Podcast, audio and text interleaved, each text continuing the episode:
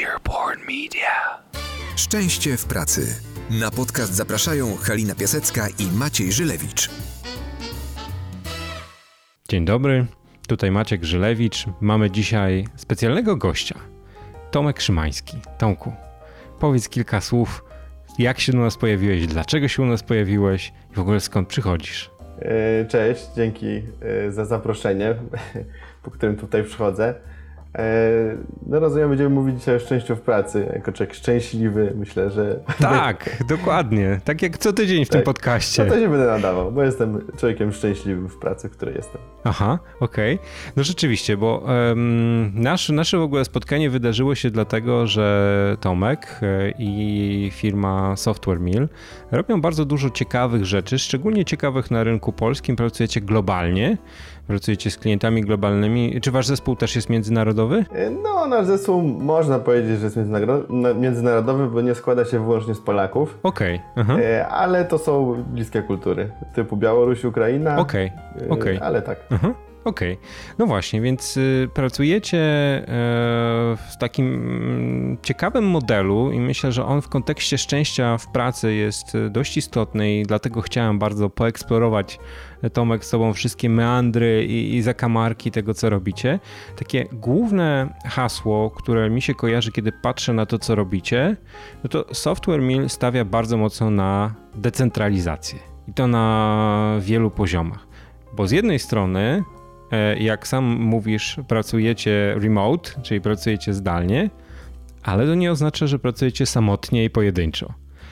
Z drugiej strony też e, wasza organizacja przekazuje bardzo dużo zdecentralizowanej mocy w ręce ludzi i o tym sobie też pewnie dzisiaj porozmawiamy, jak to wpływa na poziomy szczęścia w pracy. O twoim już wiemy, a powiedz kilka słów o tym, właśnie co czyni was takim ciekawym bytem na, na tym naszym rynku IT. My jesteśmy firmą, y, 10 lat mamy, w tej chwili właśnie żeśmy skończyli praktycznie, Mhm. więc już Czy już wchodzicie, w, wy jesteście nastolatkiem tak, prawie. prawie nastolatkiem. Y, No tak, de, facto zarejestrowaliśmy spółkę y, w 2009, więc już we wrześniu będziemy kończyć 11. Rozpoczynaliśmy, myślę, standardowo, jak wiele firm, które połasiły się na pieniądze z Unii Europejskiej z programu 8.1. Wtedy jeszcze marzyliśmy, Okej. że będziemy startupem y, i będziemy robić produkty. Gdzieś tam po drodze Mhm. mm, przekonaliśmy się, że y, usługi to jest coś, co robimy bardzo dobrze i przy tym należy pozostać. Gdzieś tam czasami próbujemy, a czasami nie, no ale to, to o czym mówisz, to jest raczej kwestia tego, jak działamy. Więc od pierwszego dnia jesteśmy firmą w pełni zdalną. Nigdy nie mieliśmy biura. Mamy taką jedną kanciapę w bloku u mnie, e, w której trzymamy graty głównie. E, A wynikało to z tego, że po prostu ja zacząłem pracować dla takiej amerykańskiej firmy e, jeszcze na studiach. e, Tam to było 15 lat temu. I pracowałem zdalnie. Potem jak szukałem kolejnej pracy, no to ona też była zdalna. Ja tak naprawdę nigdy nie pracowałem w biurze poza takim krótkim epizodem miesięcznym. Mhm. I dla mnie to jest naturalne, że się pracuje z domu. I, tak też firmę razem z, ze wspólnikami, którzy też tak pracowali, żeśmy założyli. No, Mhm. A, Ciekawe. A druga, e, druga część e, tej naszej inności, no to jest właśnie ten turkus odmieniany teraz przez wszystkie przypadki, e, który polega na tym, że ta firma jakby jest, no tak gdzieś tam dąży do tego, żeby być samoorganizującą się firmą. W naszym przypadku to nie jest taki typowa anarchia, jak sobie to niektórzy wyobrażają i się boją tego, co, co, to, co my sobą możemy reprezentować. Aczkolwiek bardziej to jest takie podejście oddolne, czyli tworzenie jakichkolwiek struktur czy nadawaniu komuś kompetencji nie wynika z tego, że ja przychodzę jako prezes, którym jestem na papierze Mhm. i też mam taką funkcję, ale to nie jest taki typowy prezes. E, I kogoś namaszczam, że od dzisiaj ta osoba będzie robić to albo tamto, tylko raczej wynika z potrzeby jakiejś organizacji, może usprawnienia sobie trochę pracy, ułatwienia i nadania komuś jakichś zadań, które on po prostu potem będzie realizował i odpowiadał przed całą firmą. Mhm. Okej. No dobra, czyli mamy zarysowane takie dwa ciekawe tematy, o których sobie dzisiaj porozmawiamy. Wracając do tego pierwszego, czyli do tej kanciapy w bloku, podzielę się z Tobą tak, taką moją e, myślą gdzieś z tyłu głowy. Ja przez długi czas czułem się wręcz źle z tego powodu, że my e, eksperymentowaliśmy z formatem biura. Że mamy nieduży zespół, ale raz mieliśmy biuro, raz nie mieliśmy i zawsze się śmiertelnie bałem tego pytania ze strony klienta pod tytułem a gdzie macie biuro? Jeżeli to był akurat okres, którego, w którym tego biura nie mieliśmy. Ale dla nas to zupełnie rzeczywiście nie działało, czyli byliśmy w biurze, ale byliśmy totalnie nieproduktywni, więc e, bliskie mi jest Twoje wyznanie o, o, takim podejściu do pracy. A powiedz, jak to wygląda u Was, bo Wy jesteście jednak dużo większym zespołem i jest Was już dzisiaj no, co ponad 100 osób? Prawie nie, nie, aż, tak, aż tak nie, prawie mhm. 70. Teraz okay, 68 dobra. będzie za chwilę. Dobra, zaokrąglamy do prawie 100 osób. Tak, dobra. Tak. Jak to u nas wygląda? No więc yy, rzeczywiście zdarzało się, ale to dosłownie mogę na palcach jednej trzypalczastej ręki policzyć, mhm. y, że było takie sytuacje, w których klienci rzeczywiście mieli z tym problem. I co śmieszniejsze, jeden z tych klientów był całkiem niedawno, jak już się zaczęła pandemia, wszyscyśmy okay. się zamknęli po domach i próbowaliśmy zdobyć jednego klienta z Europy Zachodniej, nazwijmy go, mhm. Y, który wybrał inną firmę dlatego, że tamta firma miała biuro, mimo że właśnie wszyscy wylądowali w domach. Wydawałoby się, że akurat firma z doświadczeniem pracy zdalnej to będzie plus, e, ale on tak. taki był tradycyjny i konserwatywny. No więc e, tutaj żeśmy się pośmiali trochę, ale bardzo rzadko to jest problemem. Szczególnie, że większość naszych klientów e, jest po prostu też zdalna de facto, bo my takich klientów w Polsce to mieliśmy paru, ale jednak większość albo Stany, albo właśnie Europa Zachodnia, mieliśmy tak. też w Afryce, w Azji, w Australii no, wszędzie na świecie. Także jak o tym pomyślimy, to tak naprawdę y, ci klienci wszyscy są dla nas zdalni. Więc gdzieś tam, jeżeli my jesteśmy w pełni zdalnym zespołem, to ten klient ma szansę pracować z nami na tych samych zasadach, co, co, co całe, cała reszta zespołu. Mhm. Bo wiadomo, że jeżeli mamy mieszane środowisko, to znaczy część jest w biurze gdzieś tam ma, ma tę okazję, żeby skoczyć sobie na herbatkę, na kawkę i tam coś omówić gdzieś na boku i potem żadnego śladu nie zostaje, no to ten klient jest yy, chcąc nie chcąc gdzieś na, na, na uboczu i musi jakby starać się, aby być w tym information loopie y, cały czas mhm. Y, zachowany, prawda? A jeżeli my jesteśmy wszyscy zdalni, jesteśmy w tych samych zasadach i musimy mieć oczywiście tam dodatkowy jakiś E, wysiłek, żeby, żeby ta praca zdalna działała, to znaczy musimy wszystko mieć uporządkowane, musimy mieć online, musimy robić notatki, musimy je gdzieś publikować, no to też dla klienta to jest też uczestniczenie na tych samych zasadach w zespole, więc to raczej nie jest problem, myślę, to jest raczej e, mhm. to jest plus. To, to ciekawy aspekt, że rzeczywiście, tak jak mówisz, to wyrównuje te relacje pomiędzy klientem, a pomiędzy wami jako, jako partnerem w całym projekcie. Powiedz mi, mm, bo rozumiem, że to, że poszliście w tym kierunku nie wynika tylko z Twojego ukochania miejsca, w którym mieszkasz i, i Twoich partnerów firmowych, którzy lubią siedzieć w domach, tylko zrobiliście sobie takie za i przeciw e, tego modelu całkowicie zdalnego. Powiedz, co zyskujesz, co tracisz z takiej, z oglądu już tych 10 lat? Tak. Więc może na samym początku to było dla nas po prostu normalne, że się pracuje z domu, więc tutaj specjalnie mhm. się nad tym nie zastanawiali. To też dla nas był taki jakiś wyróżnik firmy, nie? No bo te 10 lat temu, teraz już jest więcej, ale 10 lat temu, no to my byliśmy jedną z nielicznych firm, które, y, które pracowały w takim pełnym zdalnym formacie, jakichś tam powiedzmy javowych, wtedy byliśmy, czy takich informatycznych. Ale od czasu do czasu gdzieś wraca ten temat. Czy, czy, czy na przykład nie pomyśleć o jakichś biurach albo jakichś takich może mhm. miejscach coworkowych, w jakichś dużych miastach, gdzie mamy dużo ludzi, ale jednak zawsze y, gdzieś tam jednak rezygnujemy z tego. Głównie dlatego, że ludzie się boją, że właśnie jeżeli wprowadzimy w niektórych miejscach y, jakąś formę biura, a w niektórych ich nie będzie, no to te osoby, które okay. będą poza tym wszystkim będą się czuły bardzo wyobcowane. I gdzieś tam to czuję, y, bo popracowałem w takim środowisku, że ja byłem jako jedyny gdzieś tam na boku i to rzeczywiście było strasznie ciężkie. No a druga rzecz, że jednak to, że wszyscy jesteśmy zdalni, no to dzięki temu my możemy, i to jest chyba główny plus, e, po pierwsze tak, możemy zatrudniać ludzi jako firma, możemy zatrudniać ludzi z całej Polski, e, a wiadomo, że jakby pensja, którą płacimy w Warszawie komuś, to jest ona atrakcyjna, ale jeżeli to będzie ktoś z małego miasta, no to to będzie tak. bardzo atrakcyjna. Więc tutaj dużo prościej. Mamy też dużo takich osób, które na przykład skończyły studia w tak zwanych dużych miastach, czy tam Kraków, mhm. Gdańsk czy Warszawa, mhm. zatrudniali się u nas i mhm. wtedy mogły sobie wrócić do swoich miast rodzinnych Mhm. I tam, no nie oszukujmy się, mają lepszy status życia, bo chociażby sam kredyt na mieszkanie to już tak. jest dużo do przodu. Oczywiście. I napędzają jeszcze lokalną gospodarkę, więc y, tak. politycy powinni składać wam podziękowania. Rozprowadzacie no, środki. Tak. Decentralizujecie znaczy, naszą gospodarkę. Super. Wtedy jakoś nie zauważyłem, żeby były jakieś szczególne wdzięczność od strony rządu, ale może tak, może usłyszę. Nie doświadczasz jej, nie. Tak. Okej, okay, dobra. Tak. Ja też nie narzekam, ale też nie, nie narzekam, mhm. ani się jakoś specjalnie mhm. ekscytuję. A z drugiej strony, no to jednak dla ciebie jako członka rodziny, czy ojca, czy matki, czy partnera, czy jaki tam masz układ sobie, tak. swój własny, no to jednak jesteś gdzieś tam ze swoją rodziną i masz szansę spędzać czas. No mam wielu kolegów, którzy wychodzą tam 8 rano, przychodzą do domu 8 wieczorem, teraz może nie, bo są ale gdzieś tam no, trudno jest te dzieci zobaczyć czasami yy, i to ja to sobie bardzo ceniłem, że pierwszy krok swojego dziecka mogą mhm. zobaczyć, czy tam wyjść na rower w ciągu dnia, a potem sobie to popracować, bo te nasze godziny też są takie dosyć elastyczne. E, gdzieś tam e, życie nie jest niewolnikiem tego, jak pracujemy, tylko dostosowujemy pracę do, do naszego mm -hmm. życia. Mm -hmm. Okej, okay, dobra. A co straciliście? Czy co tracicie może? Mm -hmm.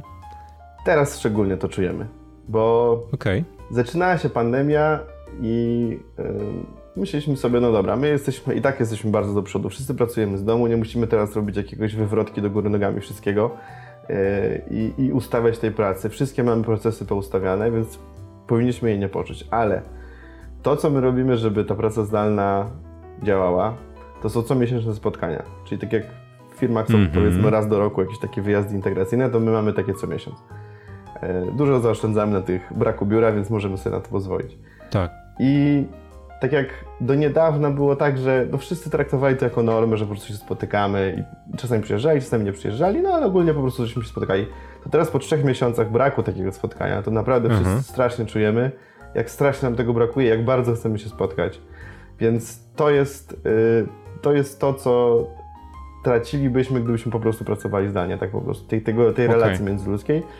My oczywiście robimy sobie substytut. No raz w miesiącu to nie jest codzienne spotkanie i gdzieś tam pewnie to nie da się jeden do jednego tego pokryć. No ale to jest na pewno to, czego brakuje. Wiem, że te, po prostu tego człowieka przysłowiowo się nie da dotknąć.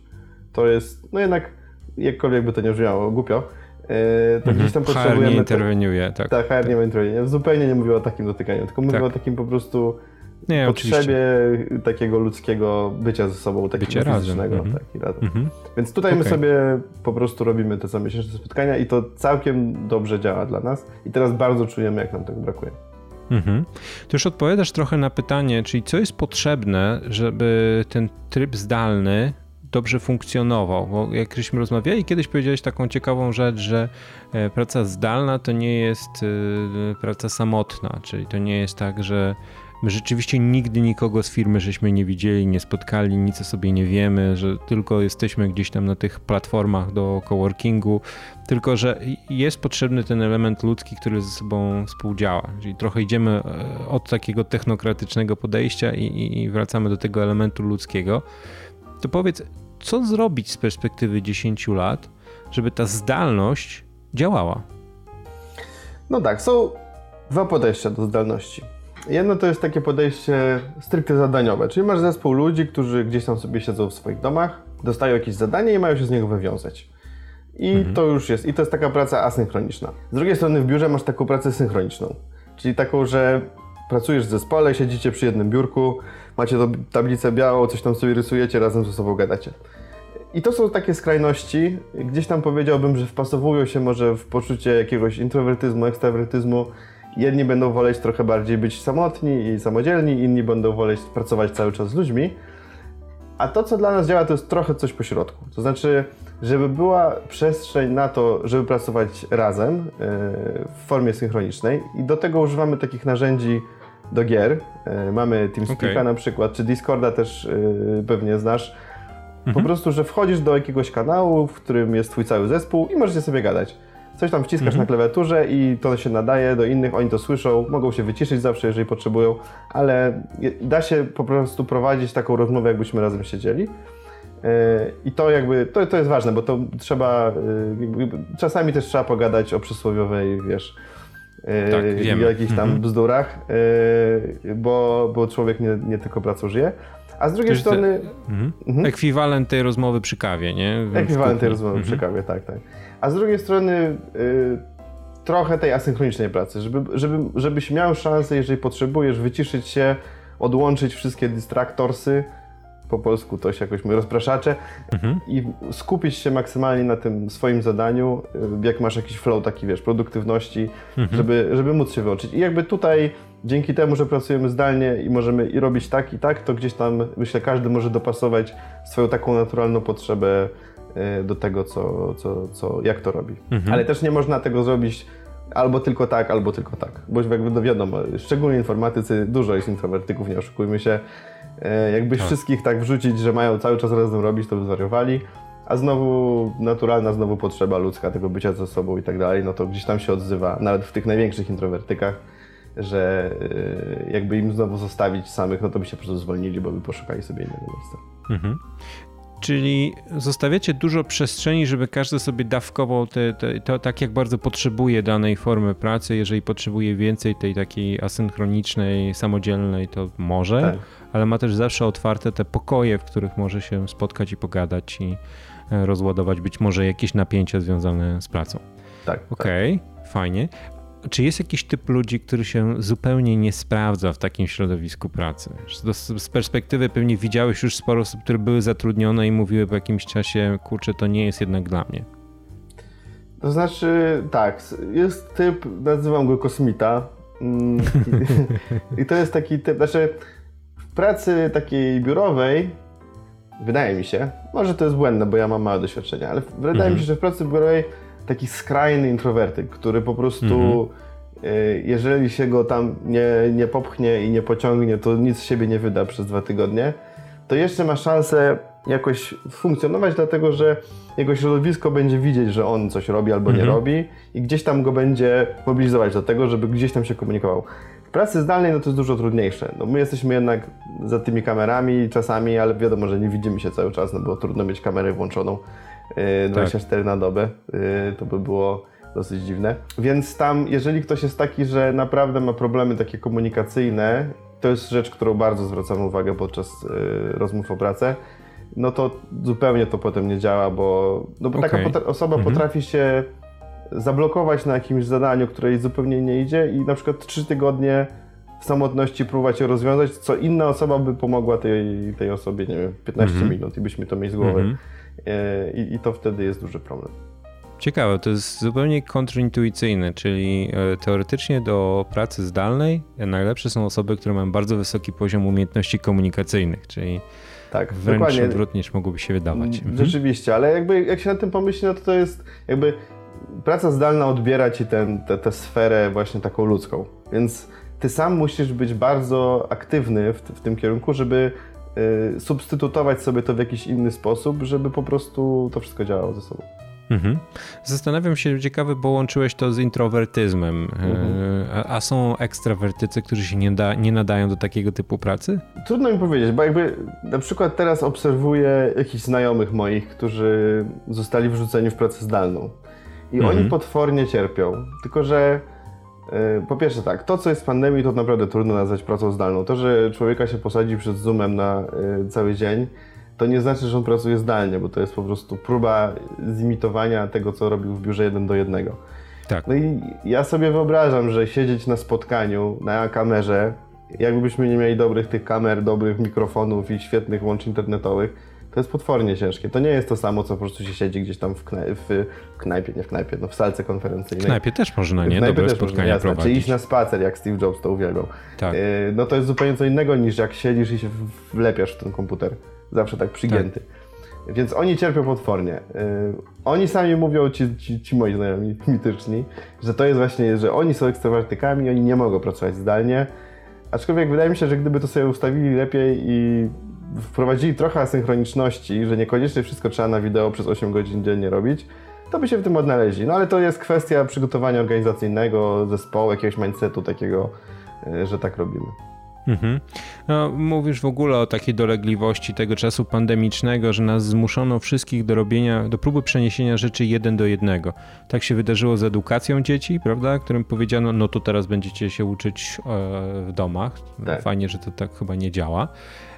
A z drugiej strony właśnie firmy, które powiedziały, no nic się dla nas nie zmienia, bo teoretycznie przenosimy się tylko na inne narzędzie.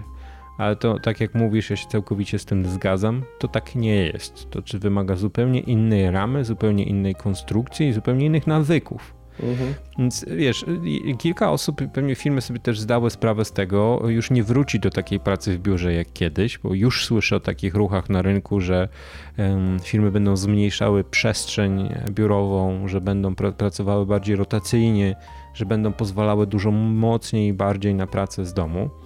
To powiedz mi ze swojego doświadczenia, nawet nie tyle firmowego, ale ze swojego doświadczenia, jak taką podróż w kierunku pełnej sprawności zdalnej e, zaczynać, na co warto zwrócić uwagę i jakich błędów nie popełniać? Pierwszy błąd najważniejszy, który ludzie robią, to jest jeżeli mamy zespół, który pracuje on-site, a jedna osoba jest y, gdzieś zdalnie i uważają, że to będzie samo działać. To mm -hmm. nigdy samo nie będzie działać. Tutaj naprawdę trzeba przygotować, przemyśleć, jak to ma wszystko być skonstruowane, tak żeby nikt się nie czuł wykluczony, bo tu gdzieś tam, prawda, ten to wykluczenie to jest ta podstawa, gdzie tak. boli to ludzie na, na różnych poziomach. Więc musimy przygotować sobie takie środowisko, w którym wszystkie takie dyskusje, decyzje będą po prostu w formie zdigitalizowane. I to ogólnie to jest dobre dla wszystkich. Czy jesteś w biurze, czy nie w biurze. Dobrze jest sobie zrobić notatki ze spotkania, gdzie się wrzucić i tak dalej. To, to nie jest rocket science, ale często się tego nie robi. Więc tutaj naprawdę trzeba uważać. Dodatkowo trzeba sobie też z, z, zorganizować środowisko, w którym będziemy w jak najłatwiejszy sposób w stanie skomunikować się z drugą osobą. Bo jeżeli my będziemy bazować na przysłowiowym Skype'ie, w którym trzeba się wdzwonić, ktoś tam musi odebrać, on wtedy odbiera, słyszysz mnie, nie tak. słyszysz mnie, nie słyszysz, słuchaj, coś mi znowu nie działa, to to nie będzie działać. Więc tu musimy poszukać takich narzędzi, które po prostu raz tu z, z, uruchomimy i to działa. Więc tutaj na przykład Discord taki mhm. teraz modny, jest dobrym narzędziem, bo tam po prostu raz to się zrobi i są te pokoje, można przeskakiwać, od razu się rozmawia z kimś, ktoś tam słyszy, nie słyszy. E, to bardzo zmniejsza ten, ten taki jakby wkład w to, żeby się z kimś e, mhm. skomunikować. No i oczywiście komunikacja tekstowa. No to też jest bardzo przydatne, bo ona może być asynchroniczna, więc zostawiamy komuś jakąś mhm. wiadomość. Tutaj Slack, no to teraz wszyscy tego używają. Są inne też narzędzia ale my, my korzystamy z Slacka, jesteśmy zadowoleni. Tam są te emotki, które można dodawać, można tak. trochę sobie e, zrobić. Dodatkowo a, ze Slackiem jedna ważna rzecz jest. E, komunikacja tekstowa ma to do siebie, że ludzie zakładają zawsze jak najgorsze intencje tej drugiej osoby. Chociażby, chociażby nie wiem, jak mieli wszyscy dobre nastawienie, ale zawsze jest tak, że zaczynają się emocje i ja ten tekst przeczytam zawsze w najgorszym możliwym rozumieniu. Jak, I zwykle jest tak, że źle go przeczytam ale trzeba pamiętać, że w momencie takiej eskalacji komunikacji tekstowej, to wtedy łapiemy za ten telefon przysłowiowy i dzwonimy, bo się okazuje, że ta osoba jak pisała dużymi literami, tak to wcale nie chodziło o to, że tylko caps lock jej się włączył albo coś w tym stylu. Ale tutaj zawsze doszukujemy się, to trzeba pamiętać o tym. Gdzieś tam jest odarte to z tych emocji, albo, albo przynajmniej z tych emotek korzystajmy. Gdzieś tam uśmieszek jak się doda, to też pomaga. I kolejna rzecz to jest taka, że na tym szlaku też pamiętajmy, że to nie jest narzędzie takie do, wyłącznie do komunikacji firmowej, bo ja widziałem wiele przypadków używania tego Slacka w taki sposób, że jest jakiś jeden kanał, na którym można tylko rozmawiać o rzeczach technicznych, rozmowa może być tylko w mhm. wątkach, jak nie będzie poza wątkiem, to od razu jest walenie page'em. Gdzieś tam trzeba pozwolić na takie, taki luz i jakiś yy, tą realizację tej potrzeby porozmawiania też o głupotach i wrzuceniu jakiegoś śmiesznego kota gdzieś tam. Więc yy, to pamiętajmy o tym. My mamy w ogóle kanały specjalne do takich rzeczy. Od y, kotów śmiesznych. Od kotów, od y, dzieciatych, od y, tam jakichś budowlańców, od motocyklistów, samochodziarzy. No, mamy tych kanałów, nie wiem, pewnie jest 70 różnych takich. I na każdy, nie, planszówki, gry takie komputerowe. Okay, okay. Wiadomo, mhm. i gdzieś tam to też jest fajne, bo w organizacjach, jak jesteś takim typowej korpo, yy, to gdzieś tam jest powiedzmy jakiś szef regionu, jakiś dyrektor regionu, zawsze coś takiego, jakiś account manager, ktoś tam i to jest osoba w jakimś tam biurze, przez trzy sekretarki trzeba przejść i, yy, i ten, i, i w ogóle się nie daje do niej dostać. A tutaj w tym przypadku możemy też ten dystans trochę skrócić. Ja jestem mhm. prezesem, mhm. ale na kanale o kotach to ja jestem miłośnikiem kotów, a na kanale budowlanym no to się pytam, yy, jaki gips kupić na ścianę i gdzieś tam możemy sobie porozmawiać zupełnie na... Mhm. Gdzieś, zapominając o tym, że mamy jakieś swoje funkcje w organizacji, a że po prostu jesteśmy ludźmi i to też nas integruje w jakiś sposób i gdzieś tam mhm. też tą pracę zdalną skraca. Mhm. No ciekawa rzecz, o której wspomniałeś, że mm, taka pierwsza reakcja to jest e, próba e, utwardzenia tej takiej wydawałoby się miękkiej struktury poprzez zasady, rozdzielność tych i tych tematów, a to co mówisz z doświadczenia wynika, że bycie bardziej spontanicznym i korzystanie z tych kanałów wedle potrzeby to jest coś, co daje długowieczność e, tak, takiemu tak. podejściu. Tak, tak. Okay. No wiadomo, mhm. zawsze trzeba zrobić taki kanał, nie wiem, na ważne wiadomości, gdzie tam wszyscy mhm. będą siedzieć i nikt nie będzie wychodził i tam się pilnujemy, że naprawdę tylko super ważne rzeczy, tak żeby był sposób komunikacji z całą firmą, ale reszta to też trzeba trochę sobie tam yy, dać mhm. luzu. Mhm tak jak słucham tej opowieści o pracy zdalnej, to ona e, na liście rzeczy związanych ze szczęściem w pracy zaznacza bardzo wiele tych boksów, no bo oczywiście już nie tracisz czasu na dojazdy, pracujesz blisko miejsca zamieszkania e, i, i dużo innych też rzeczy, które się wydarzają. Dobra komunikacja i tak dalej, i tak dalej. No ekologia mm. też jakaś taka, prawda? Bo o ile mniej resursów marnujemy jako tak. ludzie po prostu, bo nie, nie mamy biura, nie mamy dodatkowych komputerów, które kupujemy, jakieś tam elektrośmieci, jakieś badziewica całego nie produkujemy. To też jest ważne. To też jest, też, oczywiście, to też jest bardzo, bardzo ważny aspekt, więc dużo jest tych rzeczy e, i, i tak jak wspomniałeś, jak już ludzie sobie zdadzą sprawę z tego, że przełożenie nawyków pracy w biurze jeden do jednego na pracę zdalną jest e, no, receptą na porażkę, to być może zaczną czerpać z tego dużo więcej szczęścia bo te opowieści, które ja słyszę od swoich klientów są z reguły takie, że już marzą o tym, żeby tylko wrócić do, tej, e, do tego biura i wtedy pytam ich, no dobra, czego ci tak naprawdę brakuje? Jak zaczniesz sobie wymieniać te rzeczy, to się zaczyna okazywać, że po prostu być może jeszcze tego stanu nie osiągnąłeś, nie osiągnęłaś e, w online. Więc no to jest, jest, jest, jest taka możliwość. Ok, no, bardzo fajnie, dzięki za, za te kilka tipów. Mm, I tak już przeszedłeś trochę w kierunku tej e, poziomej struktury. I czy będziemy sobie mówili tutaj o turkusach, czy będziemy sobie mówili o zdecentralizowanej, o poziomej, no to już kwestia nazewnictwa. Mm, ale wszystkie te rzeczy potrzebne do bycia sprawczym zdalnie, one wymagają bardzo mm, wzięcia w swoje ręce odpowiedzialności za różne elementy życia firmowego i projektowego.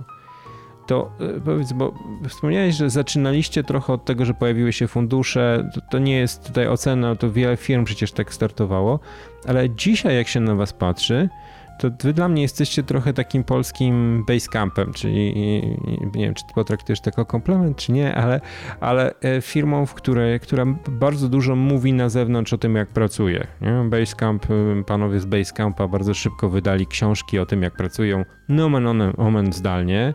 Wydali książki o tym, że praca nie musi być horrorem takim, e, jak znamy z opowieści. O ile pamiętam, to nawet też jesteśmy tam wymienieni w tej książce. Właśnie tej Naprawdę? No, A, tak. okej. Okay. W której, pamiętasz? No tam remote. W remote? Tak. W remote, okej. Okay. No. Okej, okay, no to ciekawe. Ciekawe, bo to moja pierwsza książka, którą ich czytałem, byłem wtedy dość powalony e, koncepcją, e, a to fajnie, to sobie zrobię taką rewizytę któregoś e, razu. Fajnie. E, no właśnie, więc ten trop basecampowy tym bardziej jest usprawiedliwiony i oni są dzisiaj w takim momencie, kiedy bardzo też mocno mówią o swoich wartościach, o swoim podejściu, o tej takim, takim znowu polskie słowo piękne, empowermencie e, każdego w organizacji. To u was się to, to było od początku, czy, czy to się wzięło gdzieś tam po drodze? Jak to pamiętasz? Wzięło się po drodze. Dokładnie pamiętam jak to było, bo byłem sprawcą mm -hmm. tego całego e, zamieszania. to było tak, że myśmy wtedy byli firmą czteroletnią prawie. Mhm. Gdzieś tam rośliśmy, tam powyżej 20 osób już mieliśmy. E, no i do tego czasu no, działaliśmy, jak to działają małe firmy, po mhm. prostu na ura. E, było nas czterech właścicieli wtedy e, i gdzieś tam ta decyzyjność była po naszej stronie wyłącznie. Cała pieniężna, no, tam pensje były oczywiście negocjowane i tak dalej, i tak dalej. No i bo tak nauczyło nas tak studia, życie, że tak się właśnie robi. No i doszliśmy do momentu, w którym jakoś tam męczące to było dla nas, szczególnie, że my programowaliśmy e, wtedy też jako na 100% po prostu jako, jako informatycy mhm. w różnych tam projektach. Grający tam... trener tak zwany. Tak, tak, tak, tak, grający trener. Więc gdzieś tam to był narzut duży tego całego. Czy mogę sobie kupić myszkę, czy mogę to, czy mogę tamto. E, I, to, i te wtedy mm, organizowaliśmy taką konferencję Agile by Example, i tam mieliśmy, pamiętam, Unconference. I tam taka pani Kate Terlecka Bardzo dziękuję tutaj przy okazji jej za, za to wskazanie. Opowiedziała mi o przypadku takiej firmy amerykańskiej Morningstar. I to jest mhm. taki producent pomidorów, czy tam ogólnie przetwórstwo pomidorowe to jest. I, I, oni mają właśnie taki, taką formę bardzo płaską, w której ludzie sami jakby muszą wytyczyć sobie po co są w organizacji, potem realizować to, ale też mają pe pełną decyzyjność taką pieniężną. No i zacząłem czytać o tym. Potem jeszcze o Valve przeczytałem sobie, jak oni tam działają. No i sobie pomyślałem, w sumie co nam szkodzi. Jeszcze zawsze menedżerów możemy y, jakiś wprowadzić, którzy będą gdzieś tam między nami a, a resztą firmy. To na to wszystko jest czas, a na razie możemy spróbować coś innego. No i tam przekonałem wtedy wspólników. No i zaczęliśmy. Zaczęliśmy to w ten sposób, że powiedzieliśmy, że, że jak przychodzą pieniądze do firmy, to 80% jest, idzie na takie konto firmowe, 20% idzie na konto naszych właścicieli i mhm. oni z tymi 80% mogą robić co chcą. No i, yy, no i oni już, yy, pamiętam, że taki mieli wykład cały, jakby, jak, jaka to jest ta koncepcja. Yy, dosyć proste były zasady, ale jakby to były zasady bez zasad. Jakby, że mają pieniądze, którymi mogą obracać, ale jeszcze nie wiadomo było co dalej. Potem kluczowy taki moment był, jak y, trzeba było te pensje otworzyć, no bo w momencie, w którym my jakby już otworzyliśmy trochę te finanse, no bo żeby podejmować jakiekolwiek decyzje finansowe, no to trzeba wiedzieć, jaka jest sytuacja finansowa spółki, prawda? Więc my je robiliśmy tak, że tak jakby podsumowywaliśmy, ile było przychodu, ile było wydatków na pensje i tak dalej, ale nowe osoby były już zatrudniane przez zespół. Więc już wszyscy wiedzieli, ile te osoby zarabiają. Więc jest zrobiła taka dziwna sytuacja, że ci nowi zatrudnieni już wiadomo było, ile zarabiają, a ci starzy jeszcze nie, bo to jeszcze było mm -hmm. tajemnica. Więc ja wtedy powiedziałem, pamiętam, że do jutra do 12 udostępnię Excela, w którym będą wszystkie wynagrodzenia i czy ktoś ma coś przeciwko. E, I nikt nie ma nic przeciwko. Udostępniłem tego Excela i na jakieś dwa tygodnie była cisza. A po tych dwóch tygodniach się nie zaczęło, to, no to był taki trudny okres w życiu firmy, bo, bo nagle się okazało, że jak nie, jak nie wiemy, że ktoś inaczej zarabia, to, to jest ok, ale jak już wiemy, to już nie jest ok.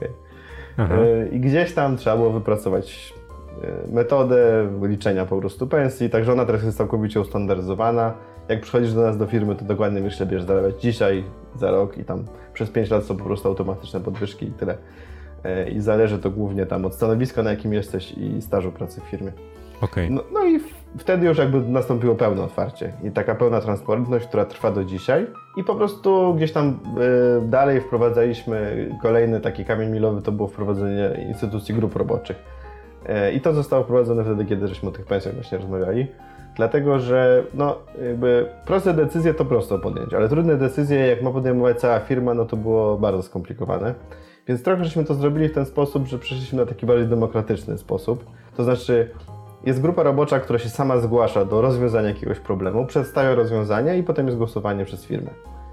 E, I to działało całkiem długo, całkiem dobrze, ale jak teraz doszliśmy do około 60 osób, to tych głosowań się zrobiło stanowczo za dużo.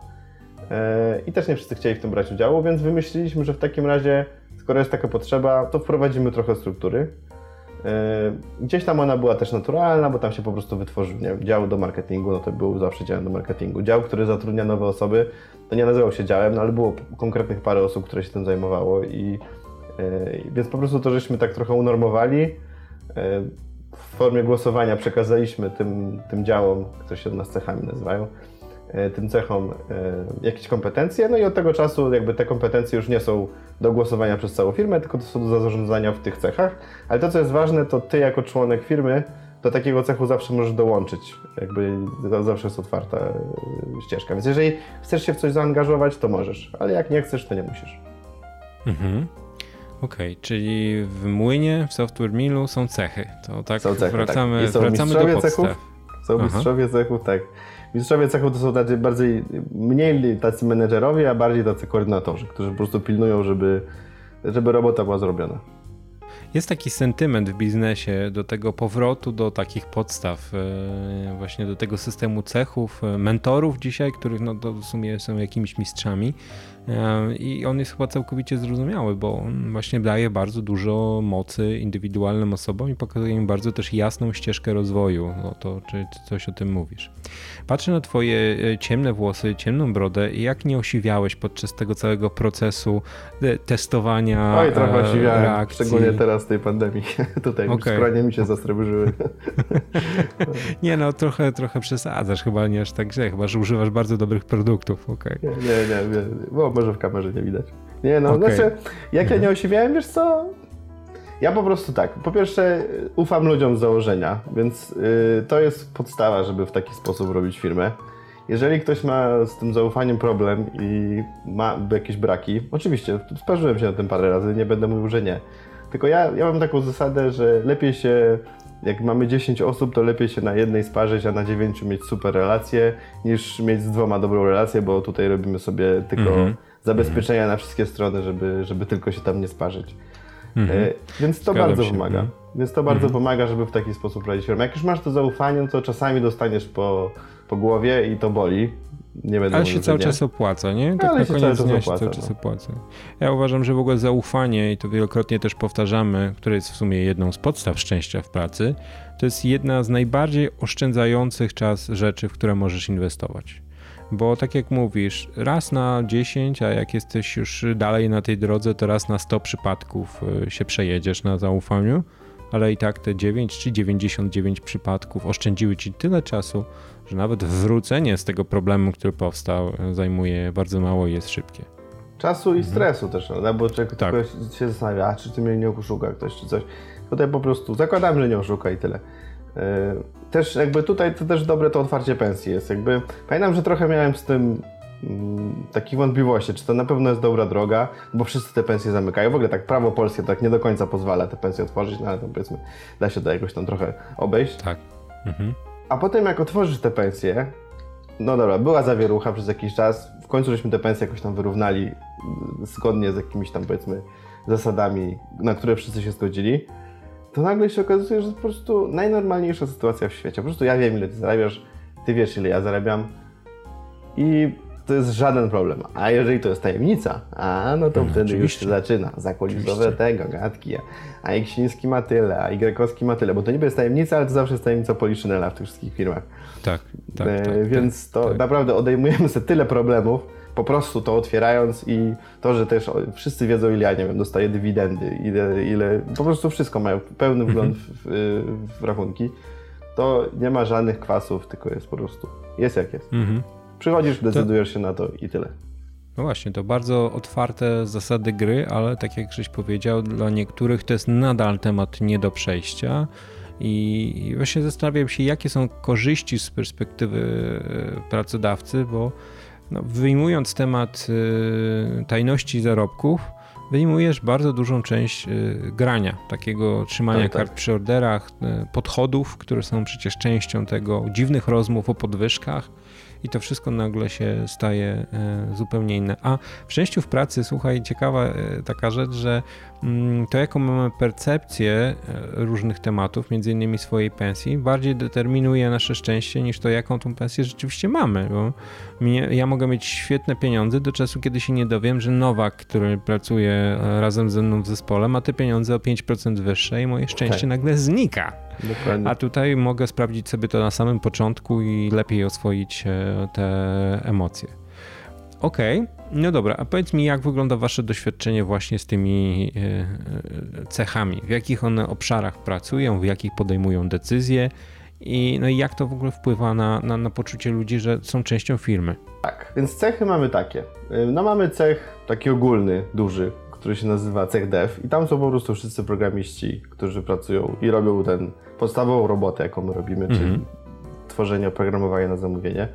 Mamy cech DevOpsowy, to są tacy programiści, którzy mm -hmm. zajmują się bardziej takimi administracyjnymi rzeczami. E, mamy cech marketingu, e, który robi na marketing i to jest jakby clue naszego sposobu dotarcia do klientów. Dużo więcej mamy przez marketing techniczny niż przez chociażby sprzedaż bezpośrednią e, mm -hmm. klientów. Mhm. Kolejny cech to jest właśnie ten sprzedażowy, ten biznes u nas to się nazywa. I to są takie cechy, które jakby one już po prostu były w firmie, bo to są takie podstawowe komórki powiedzmy mhm. tego, jak każda firma działa i gdzieś tam to trzeba sobie... No brzmi za... to jak działy, tak, w tak, firmie Tak, tak, to działy. Mhm. Ale mamy też cechy, które były stworzone dlatego, że ktoś przyszedł z pomysłem i powiedział, że ja bym chciał założyć cech taki i ten cech będzie się tym zajmował. Więc mamy jednego kolegę, geniusza naszego firmowego, który założył cech ML-owy. I to jest ML, czyli tam machine learning. On przyszedł i powiedział, że ma taki pomysł na zbudowanie kompetencji, bo on już miał ich sporo, ale y, ma na zbudowanie kompetencji. Przedstawił plan na, na rok, teraz na kolejny rok kolejny plan. Jak, co my musimy po kolei zrobić, żeby, żeby zbudować w ogóle taki dział z całkowicie nowym typem produktu u nas w firmie. Y, No i poza tym jakby on to bardzo fajnie się do tego przygotował i zostało to jednogłośnie przyjęte. I rzeczywiście bardzo fajnie ten, ten dział nam się buduje, już y, mamy bardzo fajne jakieś osiągnięcia, już mamy nawet publikacje w, arty, y, w artykułach naukowych. Y, I ten dział w tej chwili już jest sześcioosobowy i buduje kompetencje. Teraz było to łatwe, bo przyszła Okej. pandemia, trochę mniej klientów, więc było trochę wolnych ludzi, więc mogliśmy ich przerzucić tam do tego działu, żeby oni po prostu zbudowali teraz te, te swoje kompetencje, więc to jest jeden. Drugi dział to przyszedł kolega i powiedział, że on by chciał finanse ogarnąć w firmie, więc on w sumie zrobił się dyrektorem finansowym, poszedł sobie na studia e, finansowe, e, to też informatyk, więc jakby gdzieś tam po pierwsze zdobył duże też wiedzę taką finansową po prostu, ale to połączył razem ze swoją umiejętnością programowania i t- tworzy nam takie oprogramowanie, którym my liczymy finanse nasze firmowe. E, Trzeci to jest kolega też znowu przed nowym produktem, że e, Academy on się nazywa. E, Co zrobić, żebyśmy zaczęli robić szkolenia na rynku? I tam przedstawił plan, jakby zaczynamy teraz to sprzedawać. E, Też zarówno szkolenia wewnętrzne, jak i zewnętrzne, czyli stworzyć taką formę szkolenia nowych pracowników, którzy do nas przychodzą oraz też formę szkolenia zarobkowej, czyli że będziemy robić szkolenia zewnętrzne. No i tak w- jakby kluczem tego wszystkiego i, i tego szczęścia w pracy, to tutaj wróćmy do tego, jest to, że ty widzisz takie osoby, jak u nas pracujesz. Możesz dopiero pracować od miesiąca, więc jeszcze nie czujesz się na siłach, ale wiesz, że jeżeli kiedyś wpadniesz na jakiś pomysł i ten pomysł dobrze jakoś tam y, wybadasz i będziesz w stanie przekonać resztę firmy, to sky is the limit. Jesteś w stanie zaproponować coś i robić w ramach firmy za kasę firmową to, co masz, na co masz ochotę i możesz w ten sposób się po prostu rozwijać. Mhm. Okej, no, to bardzo ciekawe. No, powiedz mi, kiedy ktoś do ciebie przychodzi z pomysłem, który w żaden sposób nie mieści się w ramach waszego biznesu i mówi, że Tomasz chce założyć cech, który będzie się zajmował, nie wiem, produkcją yy, robotów, robotów do zabawy, tak? Mhm. Co wtedy? No to jest takie gdybanie. Yy, to jest takie Powiedziałeś jak polityk w kampanii. Bo, bo, no tak, wiesz, bo... Temat zastępczy. Tak, znaczy nie, nie, znaczy ja rozumiem skąd się bierze to pytanie i to jest pytanie, które ja bardzo często dostaję, jak opowiadam, jak my działamy. Co jeżeli ktoś na przykład zdecyduje, że weźmie sobie 10 tysięcy i z tym ucieknie? Albo coś tam. I więc jakby to są Nie, wszystko... ja tego pytania nie Nie, nie, zadałem. nie, nie, wiem, ja nie, za- ty- ja to już oczywiście teraz przekoloryzowuję. Tylko po prostu yy, takie sytuacje się jeszcze nie zdarzyły. Być może mogłyby się zdarzyć i wtedy bym coś zrobił, ale nie jestem w stanie na to odpowiedzieć, bo, bo się nie zdarzyło. Raczej wszyscy gdzieś tam kombinują, są w tej firmie, więc jakby czują, co ona robi. Byli zatrudnieni po coś tam, więc mają kompetencje zgadzające się z czymś, tym, co firma robi. Więc takich zupełnie od czapy pomysłów nie ma. Aczkolwiek, Okej. jeżeli bym mnie przekonał, że akurat zabawki robotowe i on akurat wie, jak to robić i że na tym można y, dobrze zarobić, a przy okazji się przy tym dobrze pobawić, to ja w ogóle nie widzę problemu, dlaczego byśmy nie, nie mieli w to wchodzić. No dobra, to jak powstanie taki cech, to ja wiesz, chciałbym z tego 5%, żeby Spoko. była jasność, Spoko, tak, jako pomysłodawca. Okej, Tak, dobrze. Czym się różni, weźmy sobie przykład taki no właśnie DevOpsowy, nie? Czym się różni dział DevOps od cechu DevOps, yy, jeżeli byś porównał funkcjonowanie w innych organizacjach, a w takiej płaskiej organizacji jak wasza? Sam ten dział DevOps, czy on się czymś różni, to nie wiem. Myślę, że to To bardziej jako jest tak, przykład, że... wiesz, bardziej Tak, chodzi tak, mi o tak. sposób funkcjonowania. Chyba wiesz co, bardziej mi chodzi, jakby główna różnica u nas jest taka, że te, te działy są bardzo płynne, to znaczy y, one się formują z osób, które akurat powinny pracować nad jakimś projektem, czy, czy się akurat przydają. To nie jest tak, że ty jesteś w dziale marketingu już tylko robić marketing. Tylko y, my jak tworzymy jakiś, na przykład teraz powstało chociażby ten ML, nie? Dział ML, no to wiadomo, że ktoś od marketingu jest potrzebny, bo gdzieś musimy E, gdzieś musimy ten marketing robić e, i gdzieś tam ogłaszać się, że teraz to robimy. Więc po prostu jakby tworząc dany cech, wybieramy parę osób, które są z całej firmy i składamy z tego taki, taki organizm, który będzie w stanie dowieść produkt, taki od A do Z. I to jest chyba ten, ten główny problem, że te sil, my ma, jakby silosy w takich typowych organizacjach są bardzo szczelne i gdzieś tam komunikacja jest po jakimś jednym oficjalnym kanale, jak się ją nie daj Boże przeskoczy, to potem się ma problemy. A u nas to mhm. jest bardzo płynne i ty zawsze mm, możesz jakby z własnej woli, to co już mówiłem wcześniej, dołączyć do każdego z tych cechów i po prostu robić coś, coś innego. Mhm. No, w takich organizacjach, jak pada pytanie, no dobra, masz pomysł, to jaki kolejny krok, no to zawsze pierwszy krok jest, no, a skąd na to budżet? A jak to wy rozwiązujecie? Czyli ktoś na przykład ma taki pomysł i chce z jednego działu przejść do, do znaczy z jednego cechu do drugiego, mm, to te pieniądze podróżują z ludźmi? Jak to u was wygląda? Bez może wchodzenia w jakieś super szczegóły, ale mhm, tak. się. Wiesz co, budżetowanie raczej mamy trochę bardziej w stylu beyond budgeting, czyli mhm. jakby budżet nie jest używany do kontrolingu tego, co się dzieje. Bardziej to jest taka informacyjna yy, yy, funkcja, żeby podjąć decyzję, co dalej zrobić z danym jakimś tematem.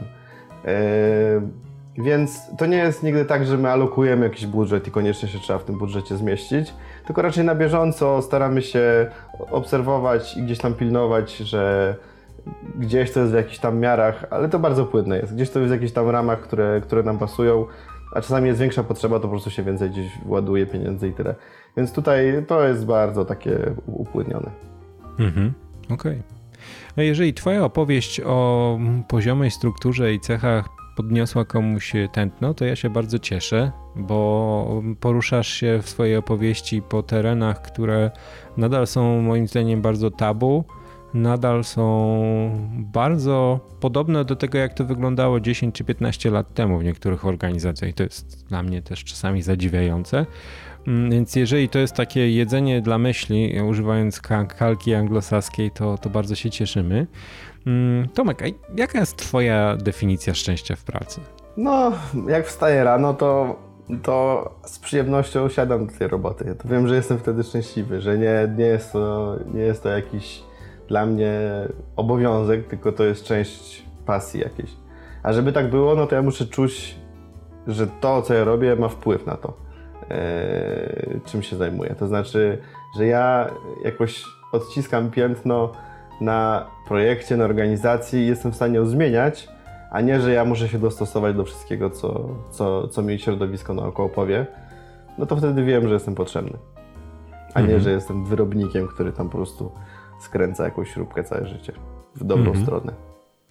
No, z tego, co powiedziałeś, to w podejściu Software Millu do, do, do, do, takiego mm, właśnie typu pracowania jest dużo tych elementów swojej definicji szczęścia w pracy. To jest dla mnie duża spójność, więc się bardzo cieszę, ale oczywiście każdy musi to sprawdzić na własnej skórze, czy, czy też jest w stanie się znaleźć w takiej organizacji. Ja zachęcam Was bardzo do tego, żebyście sobie raz na jakiś czas spojrzeli na, na bloga Waszego firmowego, bo, bo tam jest dużo mm, dobrych, dobrych, darmowych treści do poczytania. Bardzo mi się podobał ostatnio Wasz artykuł o, Twój artykuł o imprezach online w czasie pandemicznym. Bardzo techniczne, bardzo szczegółowe i to też to dzielenie się wiedzą jest chyba mocne w waszym DNA. Tak. E, także zachęcamy was do poeksplorowania tematów związanych z pracą zdalną, pracu, e, tematów związanych z trochę innym rozkładem obowiązków i, i tych radości, które płyną z zajmowania się rzeczami, które lubimy. No, na pewno jesteście bardzo, bardzo ciekawym case'em i dzięki za wpuszczenie nas na chwilę za kurtynę i zobaczenie tego, jak to może wyglądać również w naszych y, lokalnych warunkach. Czy jakieś ostatnie słowa? No bardzo dziękuję za, za zaproszenie i bardzo miło mi było tutaj z Tobą porozmawiać. Ja zawsze mówię, że o sobie gadać jest zawsze bardzo przyjemnie, więc y, było mi bardzo miło dzisiaj. Okej, okay. wielkie dzięki w takim razie Tomek. Bardzo dziękujemy za rozmowę, Wam dziękujemy za słuchanie i zapraszamy Was na kolejny odcinek podcastu Szczęście w pracy. Dzięki. Do usłyszenia. Szczęście w pracy.